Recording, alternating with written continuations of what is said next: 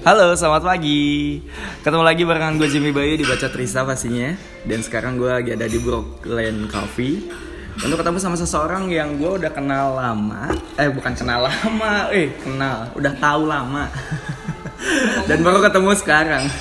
Udah tuh, gue tuh tahu dia tuh waktu em, gue ngefollow Smith waktu dulu. Soalnya termasuk sering ada di feednya Smith. Sebenarnya gue kepoin, oh ternyata ada di YouTube juga. Dia baru nongol di YouTube. Ya udah nggak usah nunggu lama lagi. Please welcome Dela Mifti. Halo Woi. Dela. Halo, aku harus ngapain nih? Ya, ya, ya, ya. Kayang boleh kayang. Oke, nggak kelihatan. Oh iya, kayang. lupa, lupa. Apa kabar? Baik, alhamdulillah bisa aja mas. baru balik ke- tadi ceritanya ya, baru balik kemarin-kemarin ya. Kemarin-kemarin, kemarin banget. Oh kemarin banget. Kemarin. Dari Labuan Bajo ya? Dari, gue bingung sebenarnya mau tanya dari mana karena Labuan Bajo itu terakhir. Hmm. Jadi oh pindah-pindah itu tuh. Labuan Bajo itu terakhir sebenarnya. Jadi gue dari Jakarta, Labuan Bajo, terus gue Ah. ke Jakarta sehari, Ah. dilempar lagi ke Jogja. Ah. Jogja, Solo, Solo, Surabaya, Surabaya, Malang, Malang Denpasar, Denpasar baru gue dibuang lagi ke Labuan Bajo. Dikira, itu anda touring naik motor. Oh ternyata motor ya ternyata. Ngeri bukan juga. ya, bukan ya. Bukan bukan maaf. sponsor Kira- oli. Oh, kira ya. Iya. ya udah. em, sebelum kita ngebahas lebih jauh soal Wih. ke sananya, mungkin gue sedikit kepo untuk bagian awal kenapa eh, awal seorang Dela Mifti itu terjun ke industri kopi. Itu gimana ceritanya? Aduh. Sebenarnya udah ditanya berapa, berapa kali cuman aku kayak selalu ada missing part gitu loh. Gue nggak ngerti ya pertamanya tuh. Kenapa ya? Ah, tiba tiba-tiba eh kok gue di sini? Iya gitu "Ah, udah sampai sini aja gue. Iya. Ya. Atau termakan umur sampai ada bagian yang lupa itu. Karena gue kayak slow aja kali ya, tiba-tiba nggak terlalu mikirin gitu nggak deh. Wah enak banget sih hidup kayak gitu Ikutin flow enggak lah. Ya gimana ya dulu gimana? Pertama kali tuh zaman kuliah sih, zaman kuliah. Zaman kuliah itu mulai udah mulai part Part time time, Udah biasa. mulai part time Sedangkan kan gue waktu itu kan aku waktu kuliah itu udah udah di luar, saya udah nggak di rumah gitu, saya Ah. ngekos kan ngerantau gitu, Oh. nggak ngerantau juga sih ngekos ya ibaratnya Mhm. di Malang waktu itu. Jadi ya sambil cari-cari duit jajan cilok sama pentol ya kan, kayak ya udah deh gue part time gitu. Mhm. Itu pun kayak nggak sengaja gitu awalnya sebenarnya. Jadi tempat yang dulu pertama kali banget aku apa namanya misalnya kerja di F&B tuh Mhm. itu cuman gara-gara dia deket sama kosan gue udah gitu doang Oh. tinggal jalan Tapi emang alasan pertama lu terjun ke F&B khususnya itu karena emang buat duit jajan itu atau emang udah tertarik Sebenarnya sama industri ini? Kalau kita ngomong soal misalnya kalau industri sih masih belum tahu Masih belum tahu ya? tapi kalau aku minum tuh emang udah dari kecil misalnya minum kopi ya Oh. bukan minum yang lain-lain Wow. Masih pagi bu, ayo iya, bu. iya, iya. minum kopi tuh kayak emang udah suka dari kecil karena emang keluarga aku tuh kayak dulu mamaku tuh anak-anak mungkin SD SD tuh kasih susu gitu ya Mhm. gue tuh udah dikasih kopi susu gitu loh Wih canggih. itu tuh kalau dikasih susu doang tuh gue bisa mules setengah pelajaran gitu Eh, Jadi, seriusan? serius jadi kayak Tapi- selalu kopi susu memang Oh kok kopi susu aman malah? aman Gitu. jadi ya, tapi yang bukan yang saset gitu yang tau gak lo yang kopi hitam terus kasih susu kental manis gitu loh Oh. yang bukan yang di saset tinggal aduk gitu Iya, sejenis Vietnam drip Yes, gitu pada ya. zaman itu gaya banget. Iya. SD pakai Vietnam drip. Ya, mana gue tahu. Temannya Jessica nih. Iya Allah. Gitu Oh, lah. jadi emang Jadi udah udah, udah udah terbiasa. Misalnya kayak aku juga kenapa ya kayak suka banget aja gitu minum, Mhm. minum kopi itu emang udah dari dulu. Nah pas semakin dewasa, semakin dewasa, kayak kayak boleh deh nyoba gitu. Mm. Jadi dulu tuh masih ngelihat uh, yang yang merek misalnya di mall-mall gitu kan Hmm. yang uh, Coffee Bean atau Starbucks yang mereka bikin kopi kayak asik deh gitu bikin kopi di zaman itu sebenarnya. Hmm. Terus kayak gue kayak cobain kali ya jadi barista kali ya gitu. Oh. Dan semakin memantapkan hati ketika waktu udah lulus. Iya. Bisa dibilang kayak gitu? Karena emang pada saat itu nggak ada yang oh gue pengen jadi barista. Gitu nggak ada. Oh iya. Gue cuman di tahun berapa ya itu ya? Iya itu kan tahun-tahun ya masih 2012 atau dulu oh. gue Rian Mbak juga bahkan di tahun segitu tuh nggak ada sebutan barista Nggak ada. pelayan. Bartender Wih, dulu. Waduh. Inget gue kayak hah gue bartender ya bener aja. Ya elah. Minumnya sih iya buatnya nggak nggak nggak paham. ngerti gue ya ya udah deh gitu. Tapi Hmm. pada saat itu sebenarnya waktu gue pertama kali part maksudnya gue pertama kali kerja di industri maksudnya di F&B itu Mm-mm. aku masih jadi wait- waiters waktu itu. Jadi waiters ya? Dimulai dari sana? iya karena barista udah ada orangnya. Oh begitu. Kita udah punya yang bikin kopi nih mbak. Pada saat Hmm. itu belum mau barista udah pada yang bikin kopi nih mbak. Tapi gue memang sempat beberapa kali nge, eh, maksudnya apply gitu ya. Ah di ditolak maksudnya nggak lolos jadi barista sebenarnya itu waktu awal tuh waktu awal cari part time itu loh, Oh. kan banyak tuh yang buka Hmm, lowongan hmm, gini gitu gue banyak yang nggak diterima sih Hmm. sampai akhirnya ya udah deket- karena dia deket kos gitu kan ya udah deh gue tapi sih dia uh, tinggal waiters mbak ya udah nggak apa-apa sih kerja ini ya iya emang ini juga nyari duit Iya, gua nggak ngepet. Kayak ya udah gitu.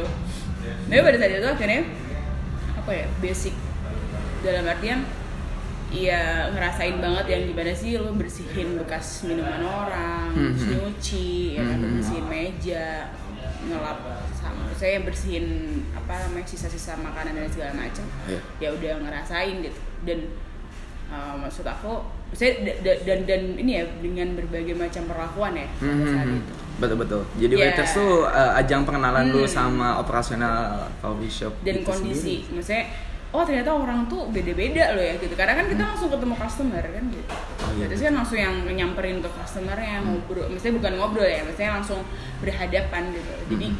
di situ aku sih banyak belajar kayak oh ternyata ada juga yang sopan ada yang nggak sopan juga gitu Apakah seorang dia gugup ketika pertama kali ketemu Enggak, sama kayak dia customer? gugup deh kayak Mau pesan gue apa? sih nggak pernah dia ngapain soalnya Ditantang gitu. dia nggak sopan gue malah bisa nggak sopan balik oh enggak ya Eh buset. jangan ya mungkin waktu Dela masih muda kayak gitu. mungkin. enak aja loh enggak lah.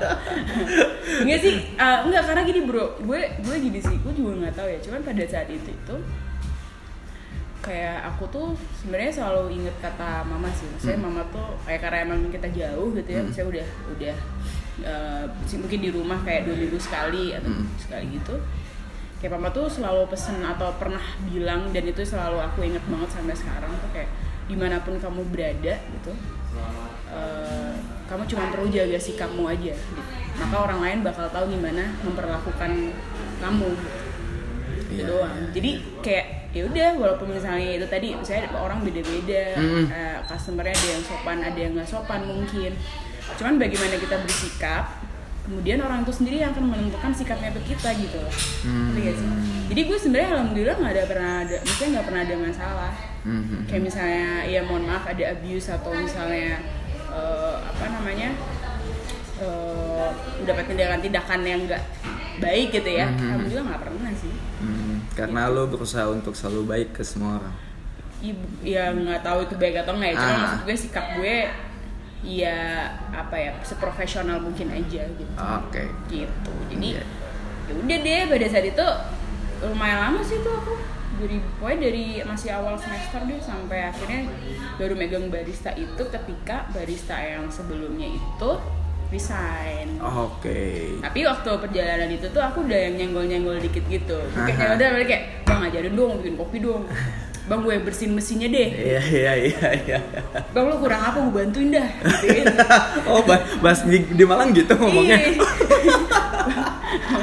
bang Terus kalau ngomong jalan nggak ada yang ngerti lagi jauh banget sih kayak bang bang Oh. ada yang mau dibersihin nggak Wah, gitu. Iya iya. gimana sih bang cara Lo bersihnya logatnya kan biasanya agak lemes banget ke orang-orang Malang kan. Lemes. Ah, oh enggak ya, enggak ya. Agak ini sih sebenarnya ngegas sama lemes agak beda dikit kalau di sana sebenarnya Oh, daerah Malangnya bukan Batunya ya? bukan Malang Malangnya. di kota ya Di kotanya. Mm-mm. Oh, Oke. Berarti bisa dibilang apakah di cafe itu titik di mana lo semakin tertarik sama specialty? Betul. Karena pada saat- jadi titiknya itu ketika si baristanya itu resign secara nggak langsung karena mungkin ownernya ngelihat gue ada minat ke sana Mm-mm. dan gue mengajukan diri sebenarnya pada saat itu. Mm-mm. Bang gue boleh nggak yang bikin kopi gue bilang gitu Mhm. oh yaudah nggak apa-apa kalau mau gini gini, gini. karena nggak ada lagi dan pada saat itu kondisinya nggak ada yang ngajarin gue Ah. nah di situ gue ngerasa wah gimana ya karena yang ownernya sendiri gak ngerti cara bikinnya Eh buset. Oh iya iya iya. iya pada zaman itu kan Hmm. dia bisnis oriented Hmm. aja gitu dan di situ akhirnya semakin buat aku kayak lebih tanggung jawab aja Berarti lu digging sendiri dong waktu Iya, itu. Nggak ada nggak ada. aku cuma makanya aku eh, kemarin waktu sama Om Tony juga kayak aku memang berterima kasih banyak dengan Cikopi kemudian media-media kopi yang lain Iya. YouTube website dan lain sebagainya aku belajar dari situ pure Lu belajar dari situ Pio. ya baca ya lihat video Aha. ya ngelihat oh kayak gini bikinnya oh espresso tuh kayak gini Hmm. dirasain kok ya gitu lah with the flow aja maksudnya ya belajar dari apa namanya pengalaman aja gitu Iya, iya, oh iya. kemarin gue buat gini nggak enak nih coba sih gue cari yang lain pada saat itu ada apa misalnya perfect daily grind pada situ dan dan lain sebagainya Iya iya. iya. oh iya cobain oh ini better sih rasanya gitu doang masih blind gitu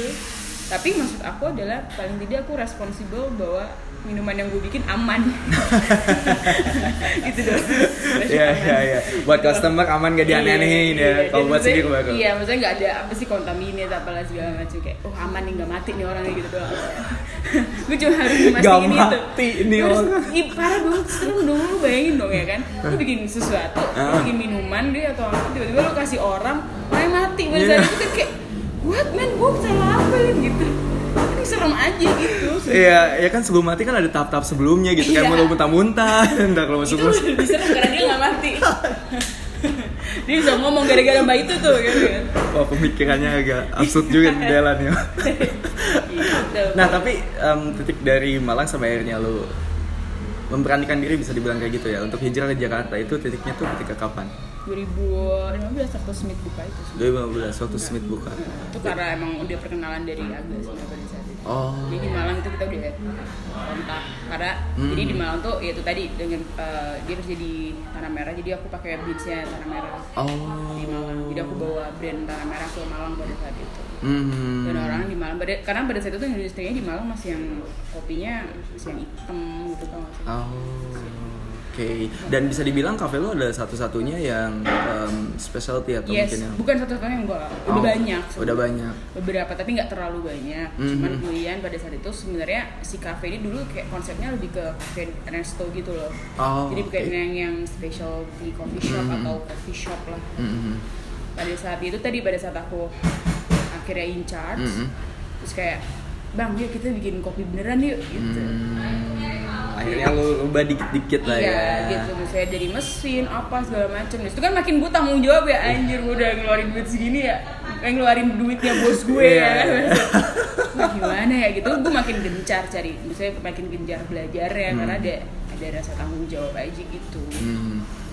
Dan proses perpindahan lu bisa dikatakan lancar atau ada kendala ini? Biasanya kalau misalkan untuk eh, beberapa staff yang diandalkan oleh owner kan agak sedikit susah untuk keluar ya.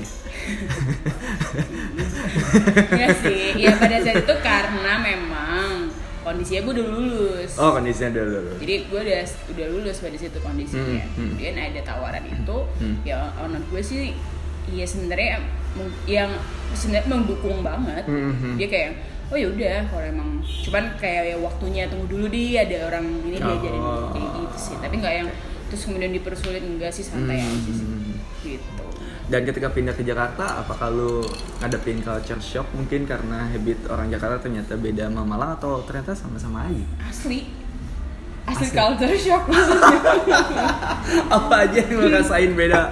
Wah buset, begini. kayak tampar ya kan diinjek injek lagi diinjek lagi ya kan kayak gitu rasanya. Kayak gini bunyinya. Wah, anjir. yang kayak tampar-tampar aja. Karena emang beda banget kan culture misalnya budayanya eh, karakter orang-orangnya. Hmm. karakteristik customernya juga jauh beda gitu kan. Kayak di Malang karena di Malang masih perkenalan jadi eh, aku lebih banyak ngobrol kan gitu. Ah, lebih banyak sharing gitu Ah, kan. ah. tapi ternyata pas sampai Jakarta oh industrinya udah mature. Maksudnya bukan udah mature udah berkembang jauh gitu kan. Mhm. dibanding dengan kon- konsumen di Malang gitu. Konsumen di Jakarta dia udah udah lebih ngerti kan gitu. Hmm. jadi lebih kepada koreksi diri sendiri aja gitu dari beberapa hal yang menjadi tantangan ketika lu pindah dari Malang ke Jakarta entah itu mungkin traffic entah itu mungkin um, rekan kerja entah mungkin itu customer kira-kira apa yang menjadi tantangan terberat lu ketika pindah awal-awal Wah, tantangan terberat. Iya pasti kehidupan sendiri lah ya. Kehidupan karena kan, sendiri. Iya, karena kan emang ke Jakarta pun juga sendiri gitu. Nggak, Ah. nggak punya siapa-siapa pada Hmm. saat itu. Itu sebenarnya kayak apa ya? Kayak pilihan terbesar yang pernah gue ambil dalam hidup gue pada saat itu. Hmm, Kedua setelah gue memutuskan untuk kuliah di Malang gitu.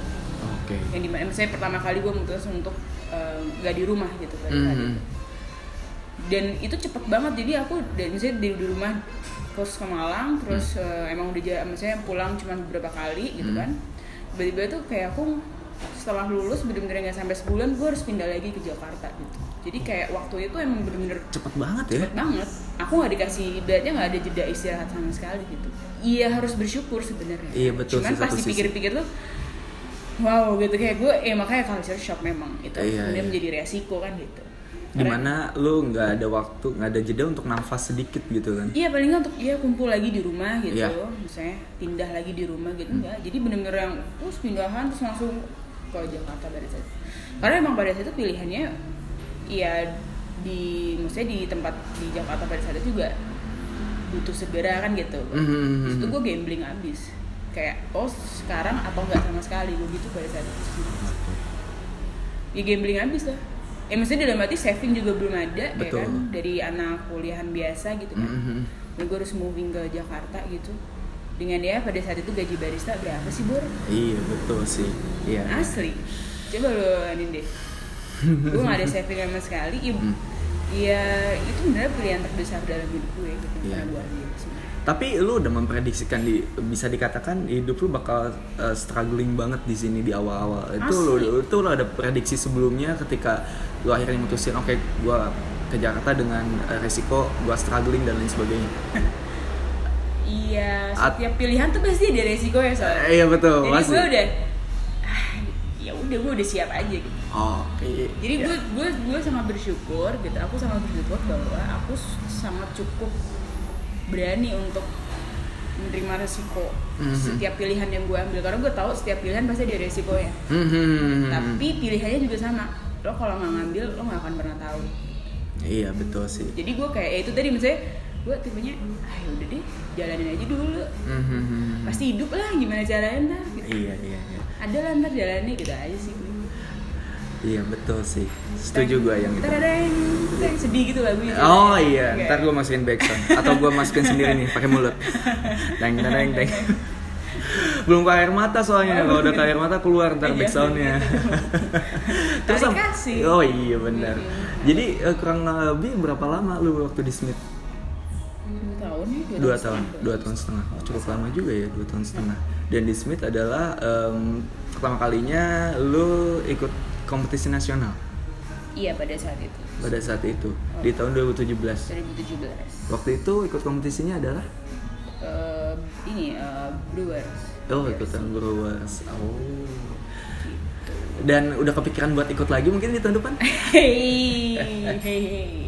Di tahun depan tuh kayak lama banget loh di 2017 dan bebas banget.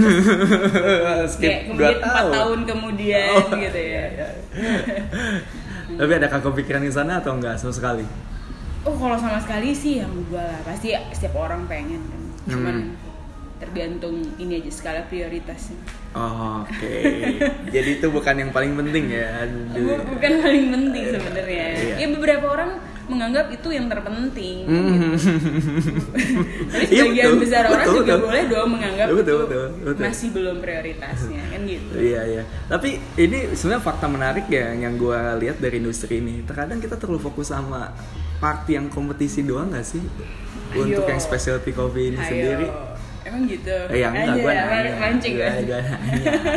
Nanya ke Gue lu. nggak tahu. Itu kan pandangan orang beda-beda. Oh, pandangan orang beda-beda. Oh, iya. Ya mungkin mungkin karena mereka menganggap bahwa kompetisi itu adalah bagian dari perjalanan mereka gitu. Hmm, hmm. Menganggap bahwa kompetisi itu bagian dari apa ya wadah berproses. Kebanyakan mereka wadah berproses untuk menjadi lebih baik kan Hmm. gitu. Cuman kan balik lagi bahwa pilihan wadah berproses itu kan banyak Betul. di hidup ini gitu. Ya pilih aja gitu. Kalau gue pribadi posisinya masih banyak gitu Mhm. wadah berprosesnya kan gitu sampai akhirnya gue menuju ke sana jadi gue nggak bilang enggak tapi menuju ke sana gitu Ya, Oke. Ya ya. skala prioritasnya masih Itu yang berbeda ya dari dari yang lain maksudnya untuk sekarang. tapi kalau dibilang apakah harus berkompetisi harus aku sangat Harus. mendukung harus Mhm. Gitu karena memang berkompetisi itu menurut aku kayak tau gak sih kita banyak reflection gitu Betul, akhirnya betul. kita banyak berkaca pada diri sendiri aja sebenarnya lebih kepada pembuktian untuk melawan diri sendiri aja sebenarnya Hmm. Iya, iya, gitu. iya. Dan itu juga tujuannya juga mengembangkan industri ini juga kan. Iya, Pada sebenarnya. ujung-ujungnya. Dibilang harus harus dicoba gitu. Sekali-sekali harus coba, tapi uh, ketika misalnya addicted ya mungkin boleh aja gitu. Mhm. Rasa mungkin bahwa oh ter- terpacu terus gitu. Mhm. bu- bagus. Bahkan sebagian orang mungkin punya uh, apa namanya? Ya itu tadi wadah berproses yang lainnya. Gitu. Hmm. Oke. Gitu sih. Coba dari Smith lu go- eh, membentuk Libertad Union bisa dikatakan begitu. Betul. Nah, em, gimana ceritanya sampai akhirnya lu bisa ngebentuk? Libertad Union ini? Iya itu ya juga gue gak ngerti lu banyak kagak ngerti ya?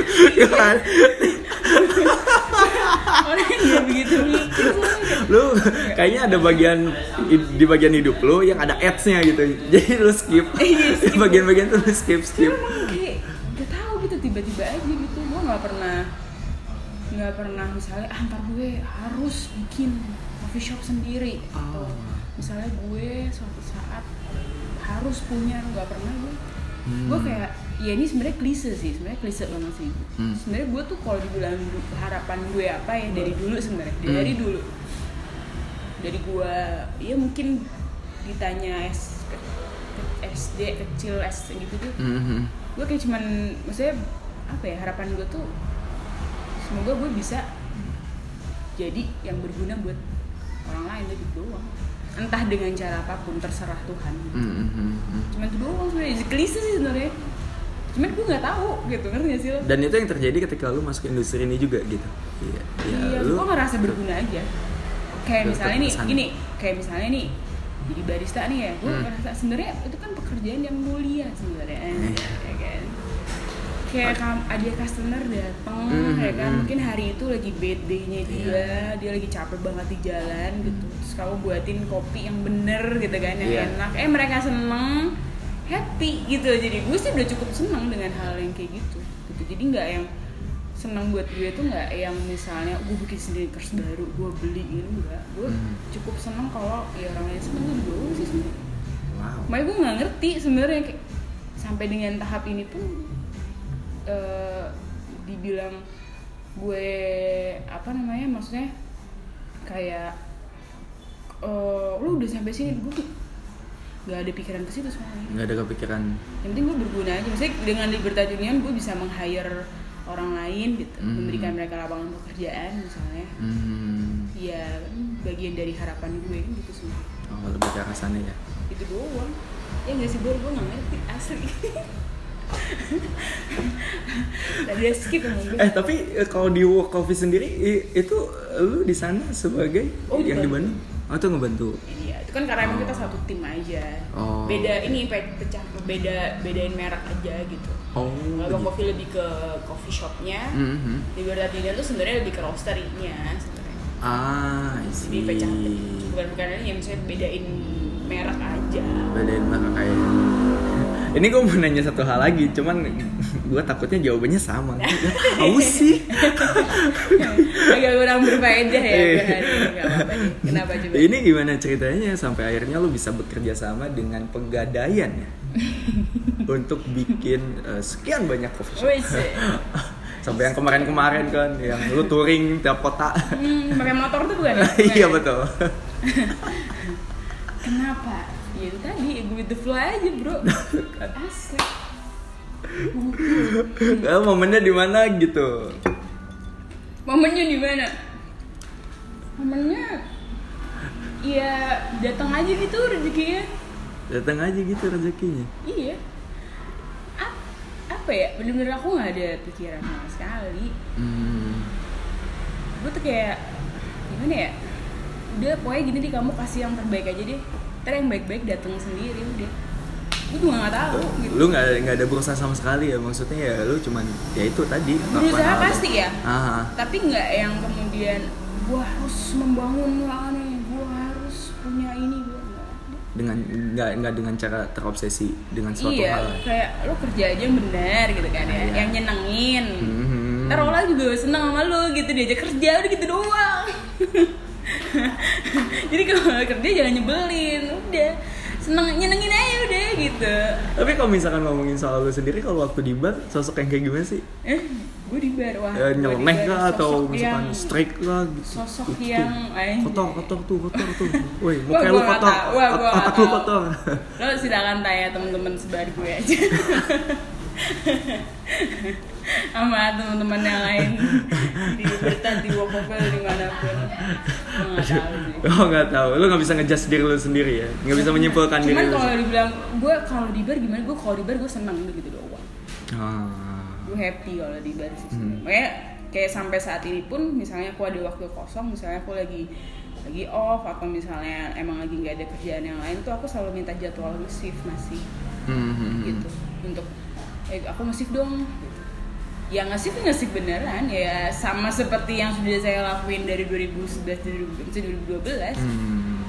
Iya rutinitasnya kan karena emang rutinitas rutinitasnya nggak pernah lepas nggak bisa lepas kayak kayak terbiasa aja gitu loh. Justru malah kalau aku nggak masuk bar itu ada yang kurang dari lu? aja. Lebih suka di bar atau lebih suka kerjaan paperwork kayak gini paperwork menurut lo? Healing gue adalah di bar. Oh gitu. Ya ya ya. rutinitas lu deh yang gitu. Healing itu di bar tuh kayak penyembuhan buat gue jadi kalau misalnya gue udah masuk ke bar tuh berarti gue lagi mumet lagi ya mumet lagi ya kan? mumet ya? Lo minggir. Enggak enggak enggak bercanda. Oke. Kayaknya emang begitu sih asli di bar. Masa gue kayak ya lu bantuin gue juga kali enak Iya. aja lo so gue sendiri. Ya Enggak lah. juga sih. Iya jadi ya lebih yang penting gue ini sih gue sangat eh, terorganisir sih dong kalau di bar atau organisir di bar sih gue nggak suka yang berantakan gitu. Hmm. paling nggak bisa sih kayak, kayak becek sedikit gitu udah kayak pengen bawanya udah iya. Padahal OCD lagi, ya, padahal OCD. nggak tau, maksudnya padahal lagi hektik banget gitu. Hmm. Maksudnya sebagian orang akan berpikir, ya elah kak, ntar aja kali kan gitu. iya iya Ini juga bakal tetap kotor. Hmm. Tapi menurut aku, enggak, Nggak lu bisa, bersihin ya. aja bos. Nanti kalau kotor dipel lagi. Nah. Masalahnya ntar kerja lu kepleset-kepleset lu jatuh. Maksudnya hal-hal yang seperti itu sih, detail sih gue sebenarnya. Iya, iya. Termasuk soal penataan si set barnya juga ya. Iya, Itu suatu hal yang penting sebenarnya. penting, penting banget. Dan sebenarnya bisa dikatakan ketika lu datang ke beberapa coffee shop, apakah lu lihat beberapa coffee shop udah memperhatikan itu atau Eh, Masih kalau banyak yang belum ternyata. Kalau kalau misalnya aku nggak tahu ya, tapi beberapa yang misalnya si owner ini emang misalnya ada basic basic arsitektur ya atau misalnya basic eh, teknik dia pasti tahu Hmm. Ne- dengan eh, apa namanya eh, ilmu tata layout gitu Mhm. sebenarnya. Mhm. Cuman untuk yang sebagian ya hanya memanfaatkan ruang saja gitu. Oh, oke. Tapi sebenarnya kalau dibilang kita dari segi teknik itu emang perlu memperhatikan eh, apa ya? Emang ada ilmunya gitu.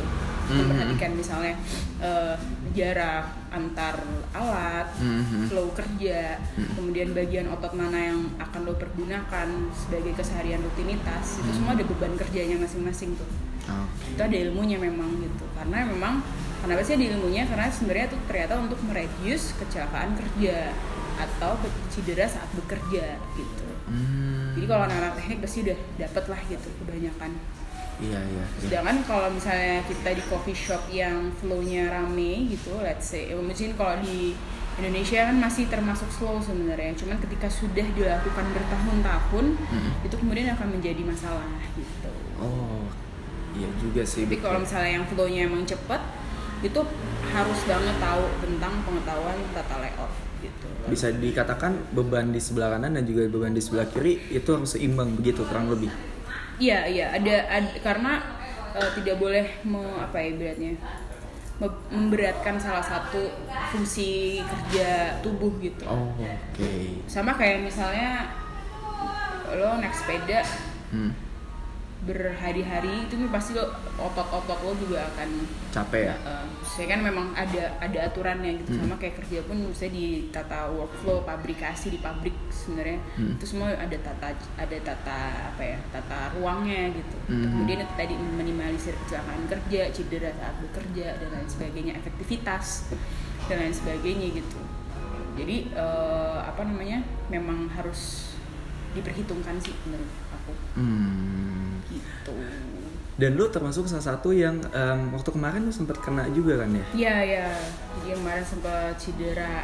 Tapi menurut dokter pun emang karena terlalu beba- terlalu berat menahan beban Nah, si katanya itu otot lu. eh, eh, terlalu mem- terlalu mem- memaksa bukan memaksakan ya, tapi memaksakan sih satu, satu, satu bagian satu bagian otot gitu. Jadi Mhm. kayak satu bagian otot gue itu bebannya eh, udah overload dibanding dengan beban otot gue yang lain, Oh. yaitu di sebelah kiri.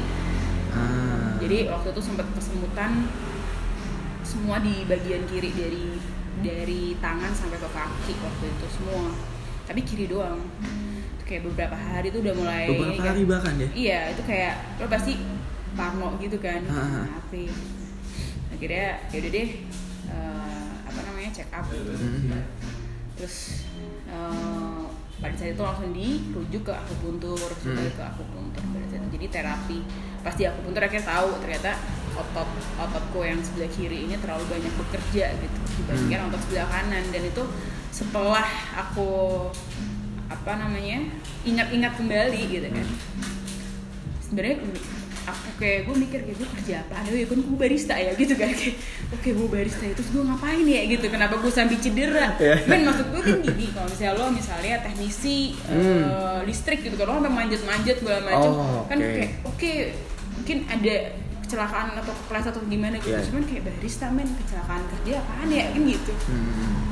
Padahal lu kan cuman kayak, kayak, kayak nggak pernah terpikir kan mainin gitu. pota doang, iya, doang. tamping segala macam apa sih gitu kan ternyata pas aku inget-inget dari awal aku masuk bar sampai dengan yang kemarin itu semua beban kerjaku tuh ada di sebelah kiri gitu Hmm. kayak grinder terus knockbox timbangan segala macam tuh semua di kiri dan kananku tuh nggak bekerja Oh. secara maksimal juga pada saat itu Hmm. gitu jadi dan itu bener-bener dua kali dapat bar itu layoutnya sama semua di kiri semua di kiri dominan. semua jadi kayak dan porta itu kan kalau misalnya lo hitung tuh kan setengah kilo men. 0,5 gram eh no ya Iya, kilo. sekitar segitu biasa rata-rata ya. setengah kilo.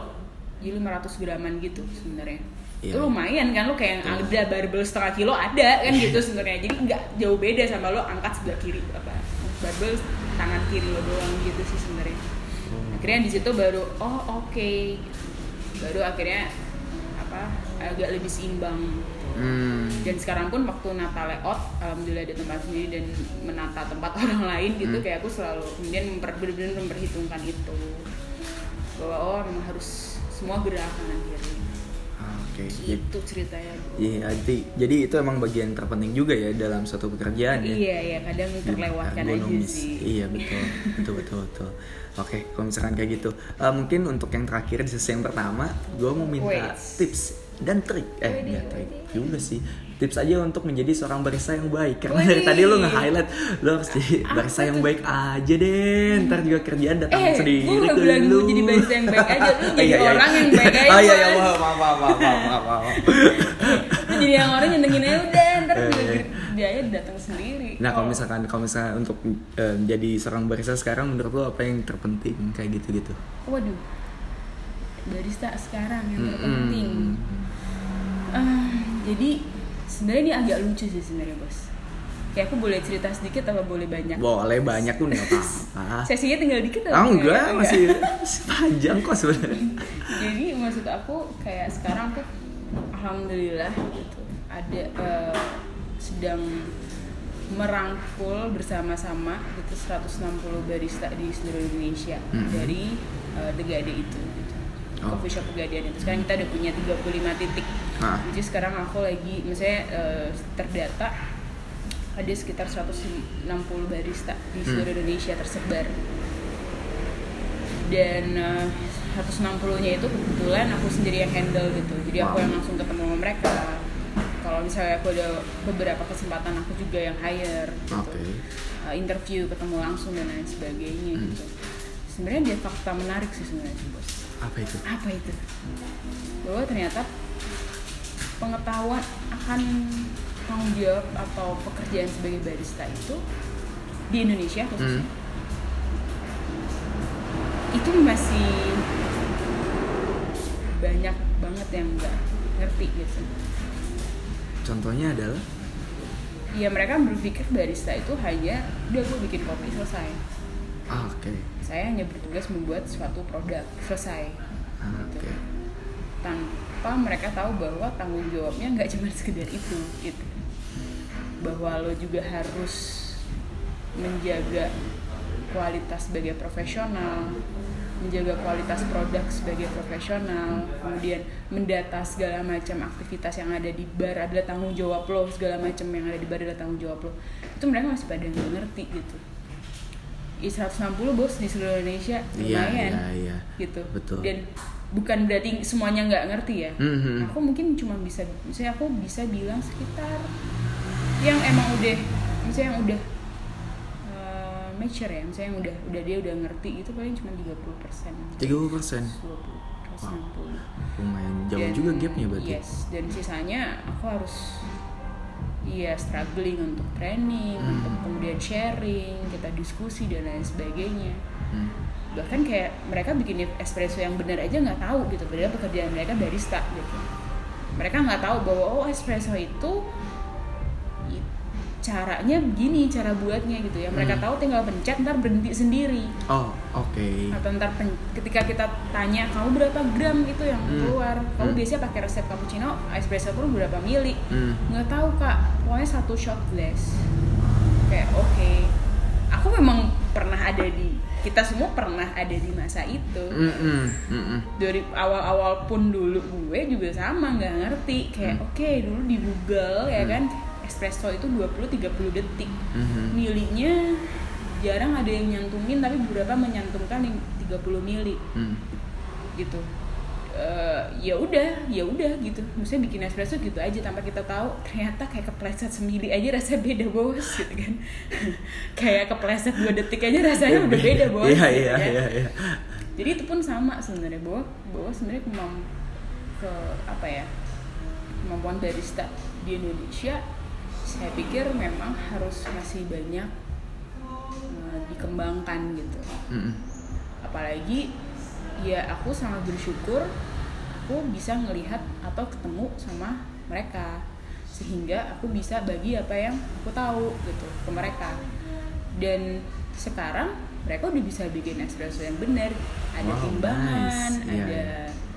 Waktu mereka tahu bahwa oh 20 mili ini ntar eh 20 gram ini ntar jadi 40 mili dong ntar Hmm. jadi kalau cappuccino ntar pakai 20 itu mereka dulunya nggak ada yang tahu kayak udah ntar berhenti sendiri kak gitu hah gimana oh iya bener juga sih gitu ya Iya. nggak apa-apa sih cuman kayak mau nggak yang agak ini bener yang dikit gitu ya maksudnya Iya. beneran dikit gitu Iya, iya, iya, iya. iya. gitu jadi kayak dibilang oh sekarang barista udah maju ya banyak orang pengen jadi barista oh, itu pertanda bagus sebenarnya cuman kemudian ber maksudnya apakah mereka udah ngerti gitu Mm-mm. tanggung jawab tanggung jawabnya jadi barista tuh ngapain aja sih Itu yang lu temuin eh, beberapa orang yang bisa dibilang 70 per- 70% yang belum terlalu paham tentang si profesi barista ini apakah di Jakarta sendiri atau di Itu kota-kota tersebar di seluruh Tersebar. Indonesia kan Oh. kayak 160 itu kan aku seluruh Indonesia Iya, iya, iya. tersebar di seluruh Indonesia. Nah, kemudian kemudian aku juga ber- bersyukur melihat banyak hal bahwa sebenarnya yang maju industrinya ini di mana nih? Gitu. Mm-mm, betul sekali sih. Di Indonesia bagian mana nih? Iya, iya. Kenapa yang di sini seakan-akan hmm, gitu? Tidak tersebar informasinya dengan baik.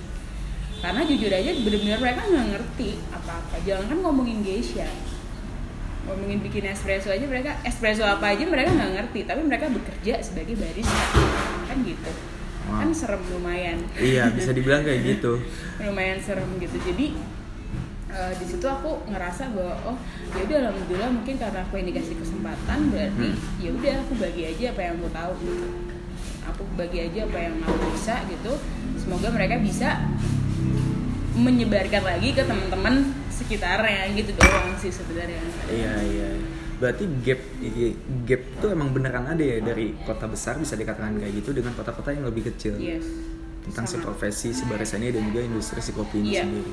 sangat gitu. Jadi sebenarnya memang eh, memang harus apa ya lebih legowo aja sih kalau untuk sharing ya maksudnya Setuju. emang ya udah bukan berarti nih anak kepo nanya-nanya gitu udah Ah. jawab aja gitu yang Iya, iya. yang kamu tahu yang maksudnya yang kita tahu gitu Betul. udah dibagiin aja udah makanya aku misalnya apa ya hal-hal baiknya tuh datang sendiri gitu gue juga nggak pernah ber apa ya kayak ah, ntar oh jago lagi gue nggak nggak pernah kayak gitu. Di sebagian orang mungkin nih yang nggak tahu ya. Maksudnya sebagian orang mungkin Ada ketakutan sendiri ketakutan. kayak gitu ya. kayak ya udah ya emang kam- ya emang mungkin mungkin hari ini gue ketemu sama lo gue emang disuruh saya ngerti gak sih? Emang udah disuruh Tuhan buat nggak apa sharing sama lo gitu Iya, doang iya, sebenarnya iya, sih. iya, nggak iya, ada. iya. kalau misalnya nggak mungkin dong maksudnya menurut gue gini karena nggak mungkin gue dipertemukan terhadap seseorang sesuatu atau apa pun itu tanpa ada alasan sih menurut gue Setuju sih kalau misalnya jadi gitu. kayak oh ya udah mungkin ya emang gue disuruh kali gitu untuk Hmm. eh, apa ngasih ngebimbing gitu loh, cara Hmm. bikin kopi yang bagus tuh gimana sih gitu Eh tapi ada satu lagi yang mau gue tanyain. Eh, Ketika lu ketemu sama barista-barista di di luar sana di beberapa daerah lainnya, em, bisa dikatakan kalau soal kopinya sendiri mereka belum terlalu paham Iya. atau profesi baristanya sendiri. Iya. Tapi kalau secara kinerja apakah mereka bisa dikatakan emang udah oke atau ternyata masih tetap harus di masih tetap harus Oh. dibimbing dikasih tahu dituntun Hmm, hmm, hmm. etos sih sebenarnya Tapi kemauan untuk kerjanya ada, kan Ada. untuk di daerah ada di daerah kemauan kerjanya sebenarnya lebih besar lebih besar. kemudian karena memang keterbatasan yang mereka punya Hmm. Menjadikan itu memang tidak sempurna kan gitu sebenarnya tapi kalau bilang mau kerja sih mereka jauh lebih etos kerjanya lebih tinggi sebenarnya Lebih tinggi ya. ya mau maksudnya tanpa menyinggung siapa pun ya Cuma, Iya ya. eh, memang memang memang keterbatasan aja yang kemudian membuat mereka eh, apa ya masih kurang gitu Mhm. sebenarnya tapi kalau kita ajarin kita kasih tahu tuh mereka excited banget dan mau nurut gitu Ah, Kayak, kan oh itu iya hal kan? baru ya. Iya, jadi aku sebenarnya lebih ketika memang disuruh ke daerah-daerah gitu, aku tuh excited banget sebenarnya. Walaupun aku udah tahu ini bakal susah banget cari barista yang udah proper gitu. Ini Ah. pasti bakal susah banget dan gue bakal butuh waktu lama struggling untuk kemudian keliling di daerah itu, Hmm, hmm, hmm. nah, kemudian mencari source gitu kan. Hmm, hmm, hmm.